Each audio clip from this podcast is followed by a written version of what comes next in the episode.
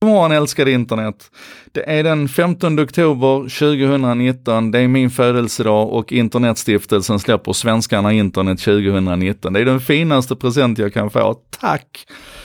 Den här rapporten som har kommit varje år i, jag tror det är 14 eller 15 år nu, eh, sammanfattar ju läget på svenska internet. Det är en fantastisk guldgruva. Jag tycker att alla borde jobba med den här. Alla borde läsa med den, ni borde bryta loss kapitel efter kapitel och jobba med den.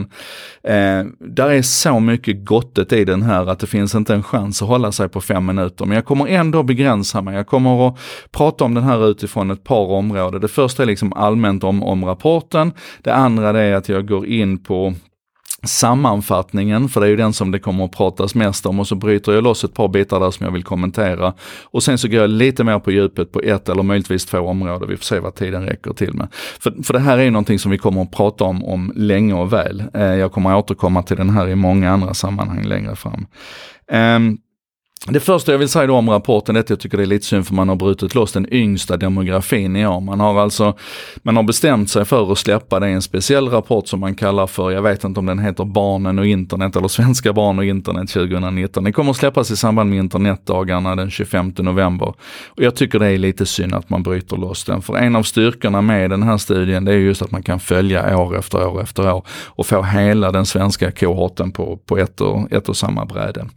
Anyway, det är deras beslut. Ehm, jag gör ju också alltid så, jag har ju suttit på den här rapporten i en vecka nu ungefär och jag ber ju alltid att få ut den här feta Excel-filen också som är på eh, tusentals rader. Och en av sakerna jag gör i den rapporten det är att jag går in och letar efter celler som innehåller 100, 99 eller 98, alltså där vi har en väldigt stor penetration, det är då procent vi pratar om. Eh, och eh, jag kan bara konstatera att det blir fler och fler celler i den här rapporten som ligger på 199-98 där vi i princip alltså har en, en fullständig penetration av ett användande av en tjänst i en specifik demografi och så vidare. Och det är ju, det är ju glädjande för när vi hamnar på 100% penetration av en digital tjänst då är vi i alla fall väldigt, väldigt nära att vi kan sluta göra vissa analoga saker och det där behöver vi nog, eh, det, det där behöver vi bli bättre på att, att sluta göra vissa saker. Um, generellt sett så kan man säga att den här rapporten den slår ju fast att, att snart sagt alla är på internet. Um, Eh, och vi, vi, kommer komma till det. Eh, men låt mig bryta ner eh, introduktionen då, för att rubriken på det här eh, temat i år kan vi säga, det är meningsfull tid på nätet och det digitala samhällets fram och baksidor. Eh, och jag förstår ju att den här rapporten har som ett slags underliggande syfte att försöka mana till handling på en del områden, men jag tycker att den blir lite onödigt svart emellanåt.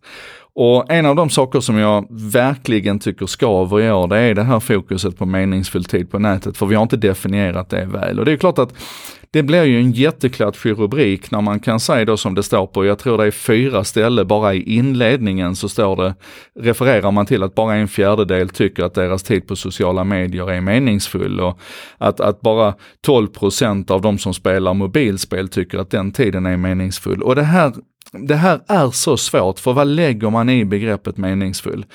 Jag har pratat med ett 10-15-tal människor just nu, utan att referera till rapporten så har jag frågat dem om de tycker att deras tid på sociala medier är meningsfull. Och den första frågan jag får tillbaka från alla det är, vad menar du med meningsfull? För att de tycker ju att den här, den här förströelsen, lika väl som man satt och bläddrade i en tidning tidigare om man då sitter och bläddrar på Instagram istället.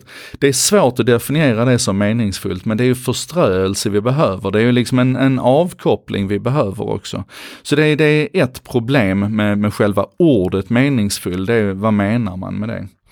Eh, ett annat problem det är förmodligen att vi har blivit så påtryckta skuld och skam över det här. Att det är klart att, att, att det, det heter ju att det inte är fint att sitta och spela spel eller, eller slöbläddra på Instagram och då präglas vi av det.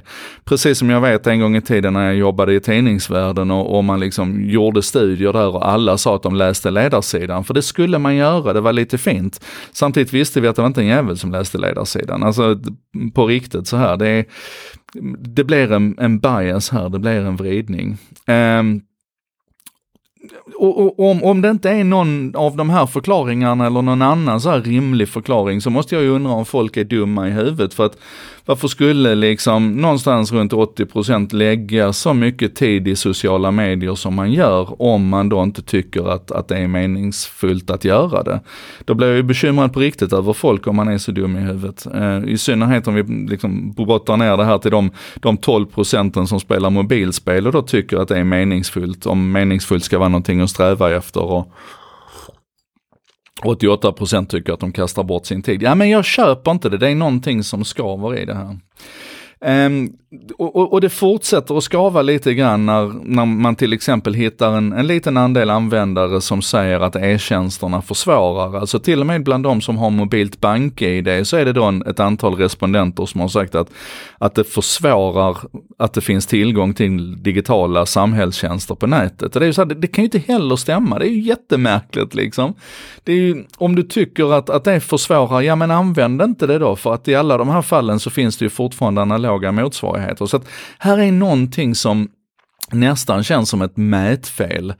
Och när man då väljer att dra så hårt på det som man gör i rapporten och som man också kommer att göra i bevakningen av det här så blir det fel. Och en annan sån det är att, att en, en växande oro då för att, att övervakningen och att Google och Facebook ska inkräkta på vår personliga integritet och så vidare. Nära hälften känner sig övervakade på internet och vi har blivit mer restriktiva med att dela inlägg och så vidare. Och, och det där är naturligtvis delvis en effekt av någon slags normalisering, precis som det faktum att, att användandet av sociala medier börjar plana ut lite grann. Men det är ju ännu mer så här att detta är ju någonting som vi under det gångna året har fått lära oss. Alltså vi har fått lära oss att Google och Facebook och nätjättarna är busar och banditer och att, att det här är liksom en, en problematisk verksamhet de, de ägnar sig åt. Och då är det ju klart att vi svarar på det viset. Och jag tycker att rent generellt när jag läser den här inledningen, och det kommer ni att se också i bevakningen av det här, så är det då ganska lätt att, att fokusera på det negativa istället för att, att fokusera på allt det, det man har. Eh, så att vi får läsa den här rapporten själva med lite egna ögon. Ehm, lite grann om, om tillgången till det här. Eh, alltså man, man ser ju till exempel hur ehm, tillgången till fiber nu har kommit igång och börjat öka igen. Eh, och där kan jag bli lite frustrerad över att det inte går ännu snabbare. Det kom en, eh, någon har sagt här, jag tror det är bredbandsleverantörerna själva som har räknat ut att de skulle behöva 22 miljarder i statsstöd för att få ut internet i, fiberinternet i, i varenda buske. Och då tycker jag att ta det ifrån, från, ta det från höghastighetstågen då istället och, och lägg det och se till att vi får ut det där rackarns fibret. Um, ja, vi kan säga att allting ökar. Men det som gör mig allra gladast och det jag då skulle vilja skjuta in mig lite grann på, det som både gör mig gladast och som gör mig lite ledsnast faktiskt.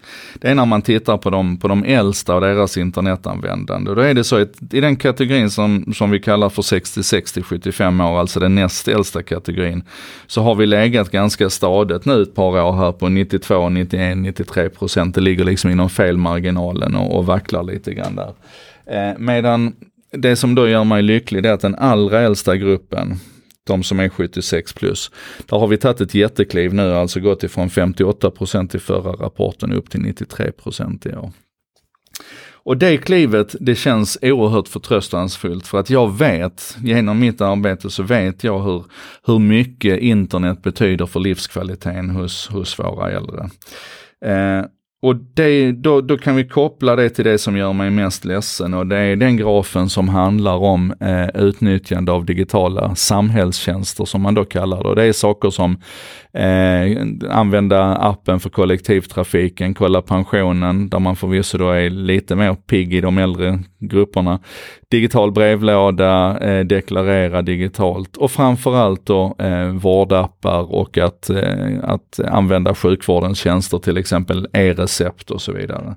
Och tittar vi då i, i, i, på, den, på en graf då som beskriver till exempel vårdappar som ersätter besök, det är ju då Kry och, och Min Doktor och Doktor.se och de här. Och då ligger de alltså i åldersgruppen 36 till 45 år så ligger de på, på 20 där som, som använder den sortens digitala vårdappar. Det är alltså, vi kan säga att det är ett digitalt vårdbesök. Du behöver inte, du behöver inte gå till vården fysiskt utan du gör det i, i appen istället, 20% Medan när vi tittar på den äldsta gruppen här och till och med den näst äldsta gruppen 66 till 75 och 76 plus så faller vi alltså ner mot, mot 4 och 3 där. Och det gör mig oerhört ledsen för det betyder ju liksom att vi på, på något vis så har vi inte nått fram till den gruppen ändå med, med vilken kraft det är. Så samtidigt som den gruppen har ökat från 58 till 69 procent, alltså de har börjat upptäcka internet, så ser vi inte till att hjälpa dem att hitta nyttan med det här på riktigt. Och jag jag tror det är, det är väl det jag egentligen tar med mig mest ifrån den här rapporten i år. Det är att, att nu börjar vi liksom hamna i ett läge där infrastrukturen finns på plats på två sätt. Eh, alla har tillgång till internet och det börjar liksom infrastrukturen i form av digitala samhällstjänster börjar, börjar öka kraftigt. Tillgången till digitala tjänster på nätet. Eh, Nästa steg här nu är att vi måste gifta ihop det här och vi måste se till att alla de äldre som störtar ut på nätet idag eh, blir medvetna om vilka tjänster de kan använda där för att effektivisera och höja kvaliteten i sitt liv.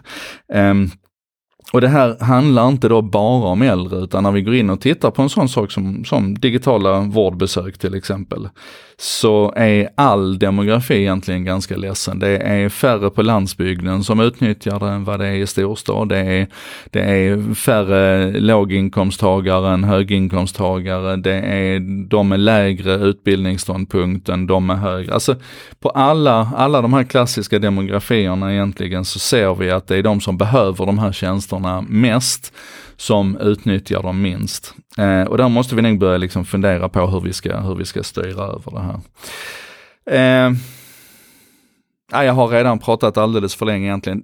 Vi kan säga det så här, detta är alltså en, en puff, en liten reklamsändning egentligen för att du själv ska ta och, och följa upp det som händer med, med rapporten Svenskarna internet. Den kommer att presenteras idag i Stockholm klockan åtta. Det är redan lapp på luckan men det kommer att sändas på, på nätet via Internetstiftelsen. Eh, den kommer att presenteras i Malmö och i Göteborg, jag tror det är den 16 och den 17 oktober på respektive ställe. Eh, men allt det där spelar egentligen ingen roll, utan det som spelar roll är att du tar hem den här rapporten. Du behöver inte ens ta hem pdfen, utan den finns ju som en klickbar webbsida också på svenskarna och internet.se. Och arbeta med det här materialet, för att jag tror ni märker det på mig, jag blir så exalterad över allting som finns att säga om, om den här, att, att det bara drar ut på tiden. Um, ja, jag får återkomma helt enkelt.